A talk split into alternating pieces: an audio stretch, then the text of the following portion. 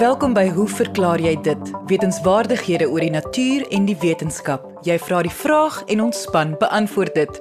My naam is Lise Swart en ons paneelkenners vandag is ekoloog Duif Peppler en teoretiese fisikus professor Hendrik Geier. Onthou as jy 'n vraag het, stuur jou e-pos na lise, L I S E by rsg.co.za. Nou ons eerste vraag vir die dag word gevra deur Koos Snyman en beantwoord deur ekoloog Duif Peppler. Koos vra: Ek het nog altyd gewonder waarom Indiese spreeus by slaaptyd versamel en letterlik honderde in 'n boom kom sit en dan groot geraas maak. Bedag sal jy nooit so 'n groot swerm saam sien nie, maar sodra dit laat word, kom hulle bymekaar en kom kwetter hulle te lekker saam. Dit kan mos nie veilig wees om deel van so 'n swerm te wees nie. Om jouself te adverteer kan sekerlik predatore aanspoor. Dave Peppler? Kom ons begin by die begin. Daar is 3 redes waarom voëls in troppe vlieg. Ons kom later by die kwetter. Die eerste is om te migreer van een plek of een kontinent na 'n ander. Die ander is om optimaal kos te soek en te kry En dan derdens oor veiligheid. Daar is nuance tussen hierdie drie verklaringe, maar ons sal daarby uitkom.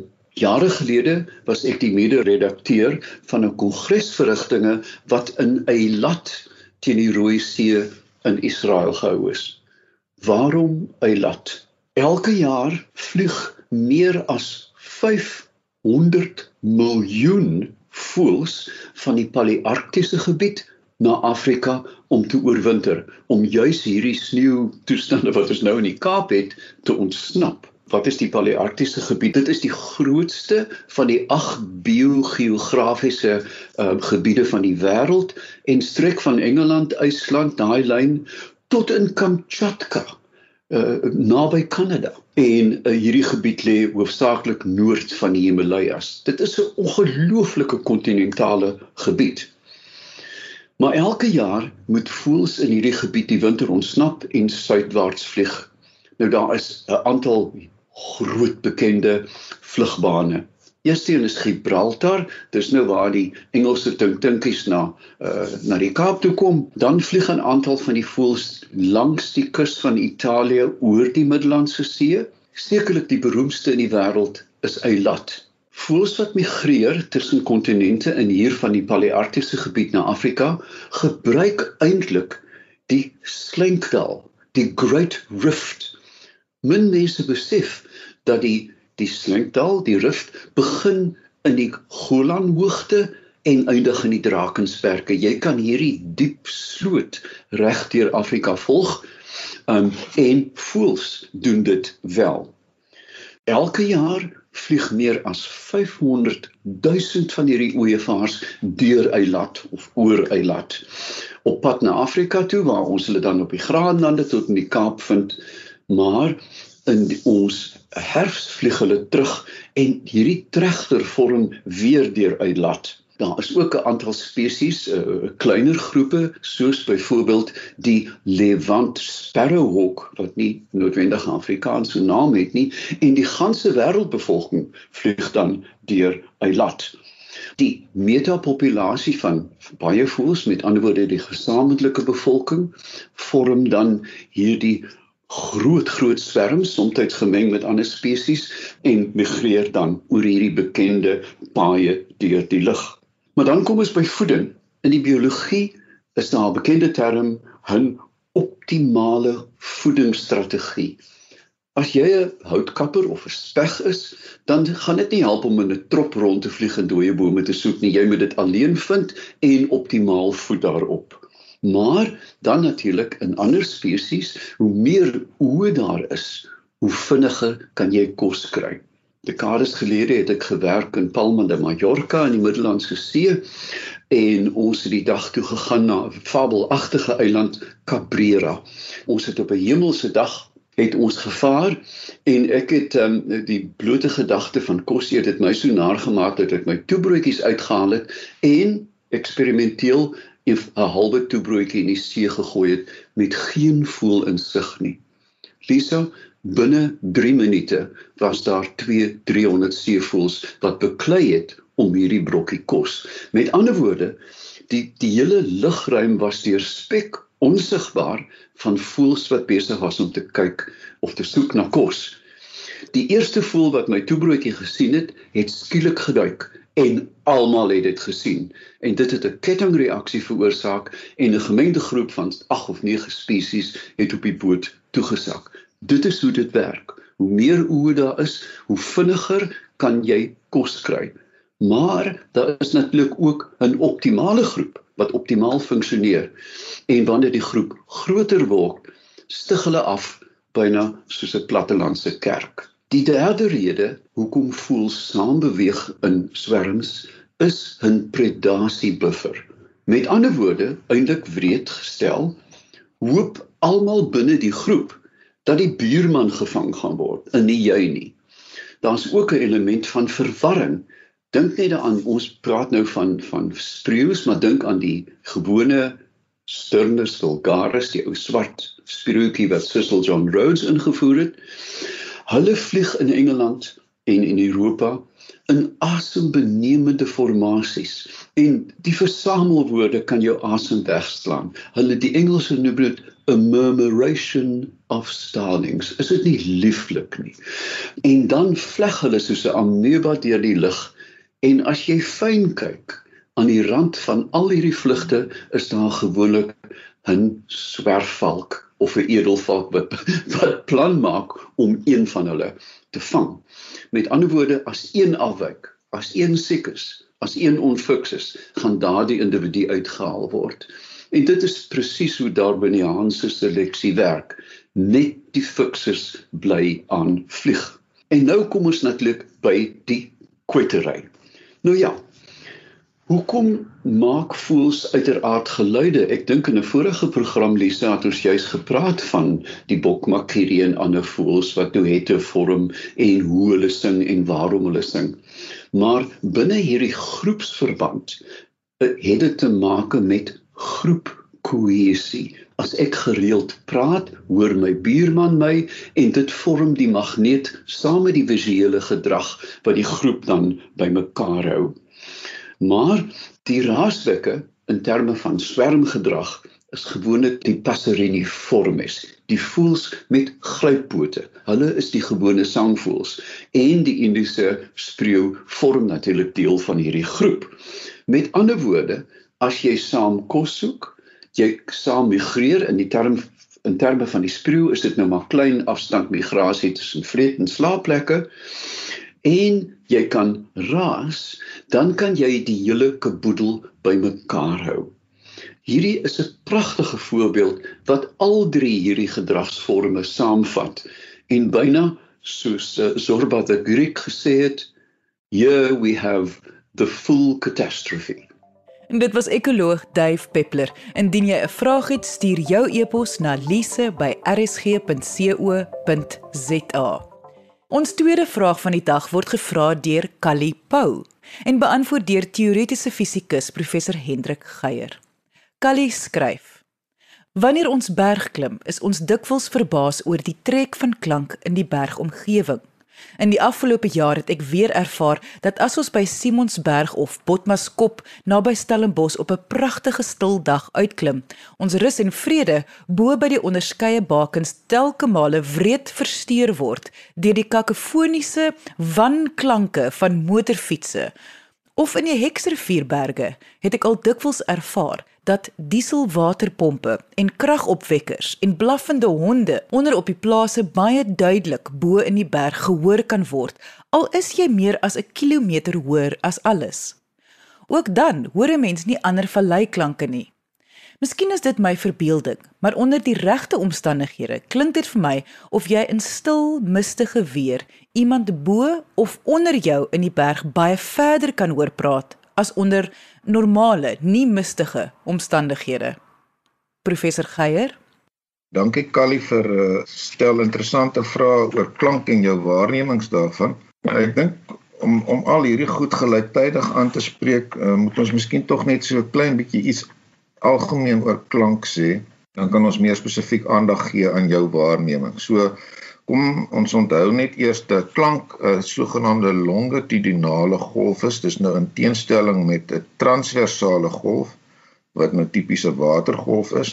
Is dit so dat die uh, individuele komponente van die medium, dit wil sê nou die watermolekules beweeg loodreg op die rigting waarin die golf voortplant. Nou vir klank en ander longitudinale golwe is dit anders in daardie geval beweeg die individuele komponente, sê maar die watermolekules of waterdruppeltjies, uh, beweeg in dieselfde rigting as waarin die golf voortplant. Dit is nou nie eers om 'n onderskeid te tref tussen die twee tipes uh, golwe wat 'n mens tipies waarneem.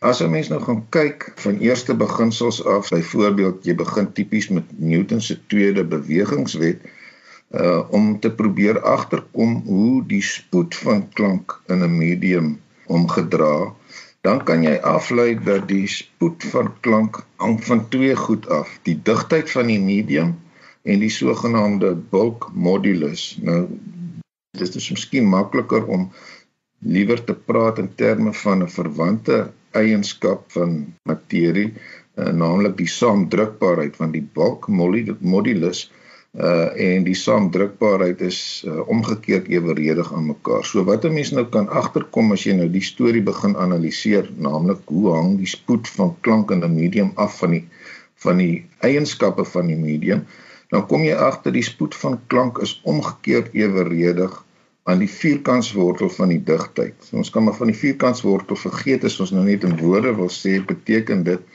dat as jy met 'n groter digtheid werk, dan die spoed kleiner. So hoe groter die digtheid, kleiner is die spoed van voortplanting. Maar terselfdertyd is die spoed ook omgekeerd eweredig aan die vierkantswortel van die saamdrukbaarheid. So saamdrukbaarheid sê vir jou eintlik hoeveel die volume van wat jy ook al daar beet het verander relatief tot die oorspronklike volume na mate jy druk toepas. So hoe meer daai volume verander, hoe groter is die sogenaamde saamdrukbaarheid. Jy sal nie verbaas wees om te weet dat die saamdrukbaarheid van lug baie groter is as vir water. Nee, mens kan lug immers in 'n fietspomp saamdruk en in jou fietsband inforceer as dit ware. So die syfer sê vir ons dat die saamdrukbaarheid van lug is omtrent 15000 keer die van water. So as ons nou gaan vra hoe vergelyk die spoed van klank in onderskeidelik lug en water, dan moet ons nou hierdie twee eienskappe van elkeen van hierdie mediums, lug en water met mekaar vergelyk. En as 'n mens nou onthou dat lug omtrent so 1,2 gram per liter weeg en water om is 'n tipiese 1000 gram of 'n kilogram per liter, beteken dit dat die digtheid eh, van water is omtrent 830 keer die van lug So as mens daai syfers van insit dan kom jy agter dat die spoed van klank in water vergeleke met die spoed van klank in lug daardie verhouding is die vierkantswortel van 15000 op 830 en as 'n mens daardie vierkantswortel gaan trek dan kry jy 4,25 dit sê vir jou die spoed van klank in water is omtrent 4,25 die van klank in lug en as 'n mens nou gaan kyk in tabelle wat vir jou hierdie goed lys dan lees jy daar dat die spoed van klank in lug is omtrent by 20 grade Celsius 346 meter per sekonde in water omtrent 1500 meter per sekonde. Die goed is so 'n bietjie temperatuur afhanklik maar daai verhouding is 4,3 so presies wat ons nou net bereken het die spoed van klank in water is tipies van die orde 4,3 keer sê maar uh, die van die spoed van klank in lug Nou moet 'n mens nie die fout maak om te dink dat die spoed van klank ook vir jou sê hoe ver klank trek nie. Dit is twee heeltemal verskillende goed. Die afstand wat 'n mens 'n klank of 'n geluid kan hoor, het net te maak met die intensiteit waarteen daardie klank geproduseer word. Dit wil sê die hoeveelheid energie wat vrygestel word wat daardie klankgolf in die eerste plek veroorsaak. So ek dink Kali die die feit dat jy die motorfiets so duidelik hoor en dan ook dieselpompe en ander meganiese implemente en honde se geblaf terwyl jy nie ander soos jy gesê het eh, tipiese plaasgeluide waarneem nie. Dit is maar net omdat die uh, die intensiteit waarteen daardie goed geproduseer word is groter en dus trek die klank verder. 'n Mens lees dikwels dat die klank wat met die hoogste intensiteit ooit op aarde uh, geproduseer is was tydens die vulkaanontploffing uh, op die eiland Krakatoa in 1883. Krakatoa is deel van Indonesië. Daardie ontploffing is so ver soos Perth wat omtrent 3100 km weg was van Krakatoa en selfs Mauritius 4800 km weg is daardie klank gehoor. En hierdie soort inligting laat mense toe om afskattings te maak van hoe intens daardie klank was en mense lees tipies dat dit van die orde van omtrent 300 desibel was. Nou die syfer op sigself sê natuurlik nie veel nie, maar die vergelykende eh, mensgemaakte hoogste intensiteit klank word tipies na verwys as dit wat met die um, Hiroshima bom geassosieer is 250 desibel en nou moet ons onthou hierdie is 'n logaritmiese uh, logaritmiese skaal so mens kan nie net na die verhoudings gaan kyk om te besluit hoeveel harder die een as die ander een is nie. Maar nietemin uh, Krakatoa was 'n geweldige ontploffing. Uh, sommige berekeninge dui daarop dat daardie klank omtrent 4 keer om die aarde getrek het. Nou dit is ook nie iets wat histories bevestig is naamlik dat sê maar iemand in Perth gedokumenteer het dat hulle 'n klank 4 keer gehoor het met so 'n tussenpose dat dit kon klop met die spoed waar hierdie klank uh, om die aarde getrek het nie maar nietemin die intensiteit dui daarop uh, dat dit naamtrek 4 omwentelings om die aarde uh onder hoorbaarheidsvlakke gedaal het. Nietemin 'n uh, geweldige ontploffing. Nou jou vraag oor of 'n mens onder mistige omstandighede klanke beter of verder kan hoor, is dit nogal 'n interessante een. So as 'n mens nou net, jy weet, na die eenvoudige fisika van die situasie kyk waarby ek bedoel jy neem nou nie ander omstandighede wat 'n invloed kan hê in ag vir die oomblik nie en waarna ek nou verwys is ons gaan nou net aanneem ons kyk na na die mistigheid as sodanig dan moet ons onthou dat vir klank om voort te plant moet die lugmolekules of wat ook al in in die geval nou klein waterdruppeltjies as dit ware heen en weer geskud word en die mate waartoe klank gedemp word is duidelik groter in die geval waar daar klein waterdruppeltjies is as wanneer dit nie daar is nie. So in die algemeen sou 'n mens eintlik verwag dat onder mistige omstandighede klank nie so ver trek soos wanneer jy gewone lugkondisies het nie.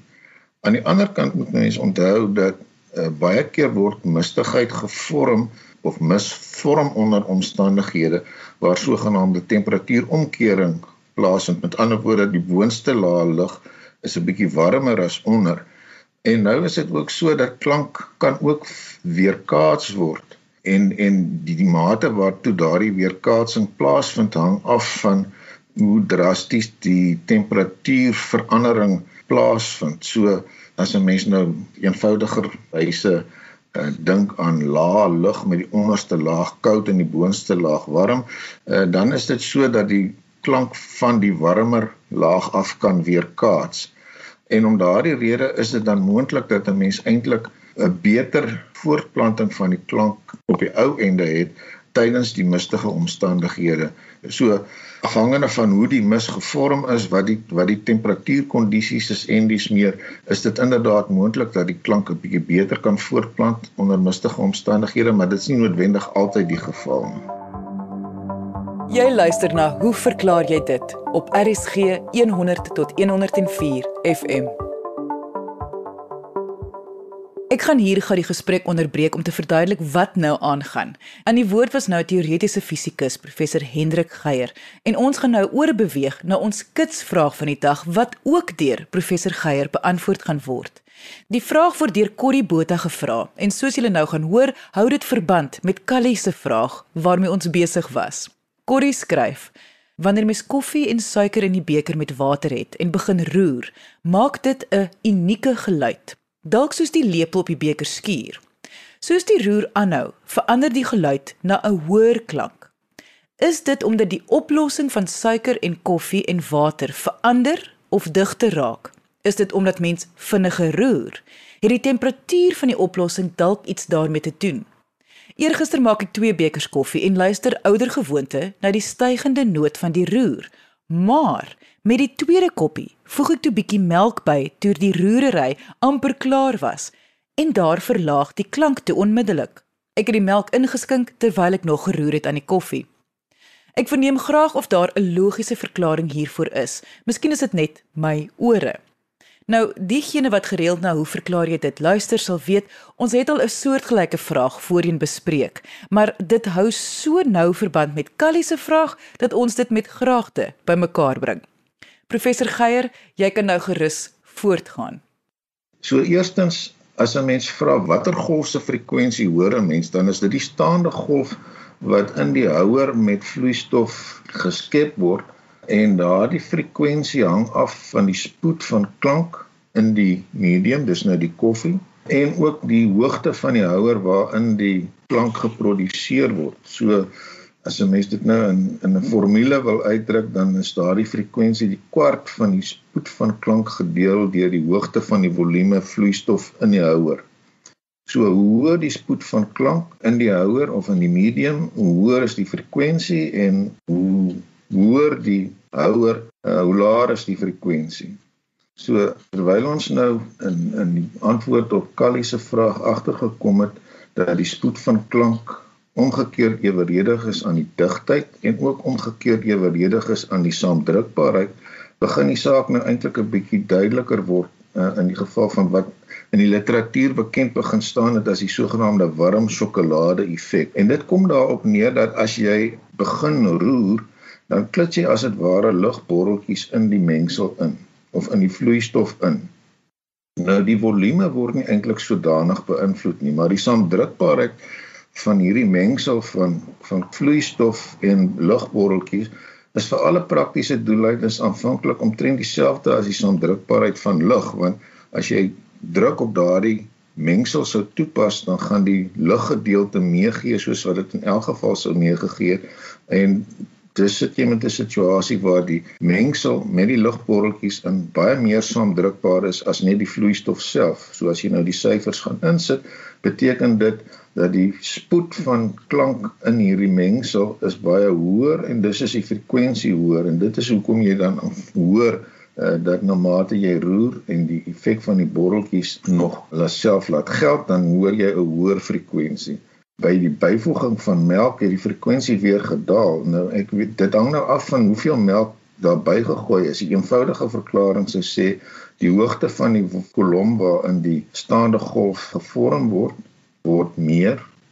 En ons het net nou gesê dat die frekwensie is omgekeerd eweredig aan die hoogte. So uh, as jy 'n hoër kolom koffie het of koffie en melk mengsel, dan gaan die frekwensie afneem en ek dink dit is wat wat uh, Corrie hoor. Ek dink nie dit is so seer 'n temperatuur effek nie. Dalk so 'n mens sou kon wonder of dit so is dat die feit dat die koffie kouer word by die byvoeging van die melk, alhoewel Corrie sê ek nou nie of hy warm of koue melk bygooi nie. Uh dat dit 'n effek sou kon hê, maar my eerste raaiskoot hier of of of afleiding sou wees dat dit uh, te maak het met die feit dat die volume, althans die hoogte van die volum koffiemengsel uh hoër word en die frekwensie dan dien ooreenkomstig afneem. So die twee goed hou verband, die sogenaamde warm sjokolade effek en die stellings wat 'n mens kan maak oor die spoed van klank in onderskeidelik water en in lug en ek moet weer beklemtoon 'n mens moet nie die fout maak om te dink dat die feit dat klank vinniger deur water trek, uh, dat dit ook beteken dat dit noodwendig verder trek nie. Die, die kwessie van die mis is ter sprake. Uh, dit is net onder baie spesiale omstandighede wat wat 'n mens as dit ware in in mistigheid uh, beter sal kan hoor. So dankie Corrie en dankie Callie vir interessante vrae oor klank. Uh, ek hoop die paar gedagtes het julle verder gehelp uh, verstaan wat hier aangaan. Dit was teoretiese fisikus professor Hendrik Geier. Indien jy 'n vraag het, kan jy jou e-pos stuur na lise@rsg.co.za. Ek sê baie dankie aan ons kenners en vraagstellers vandag. Lekker dag verder tot volgende week net hier op RSG. Totsiens.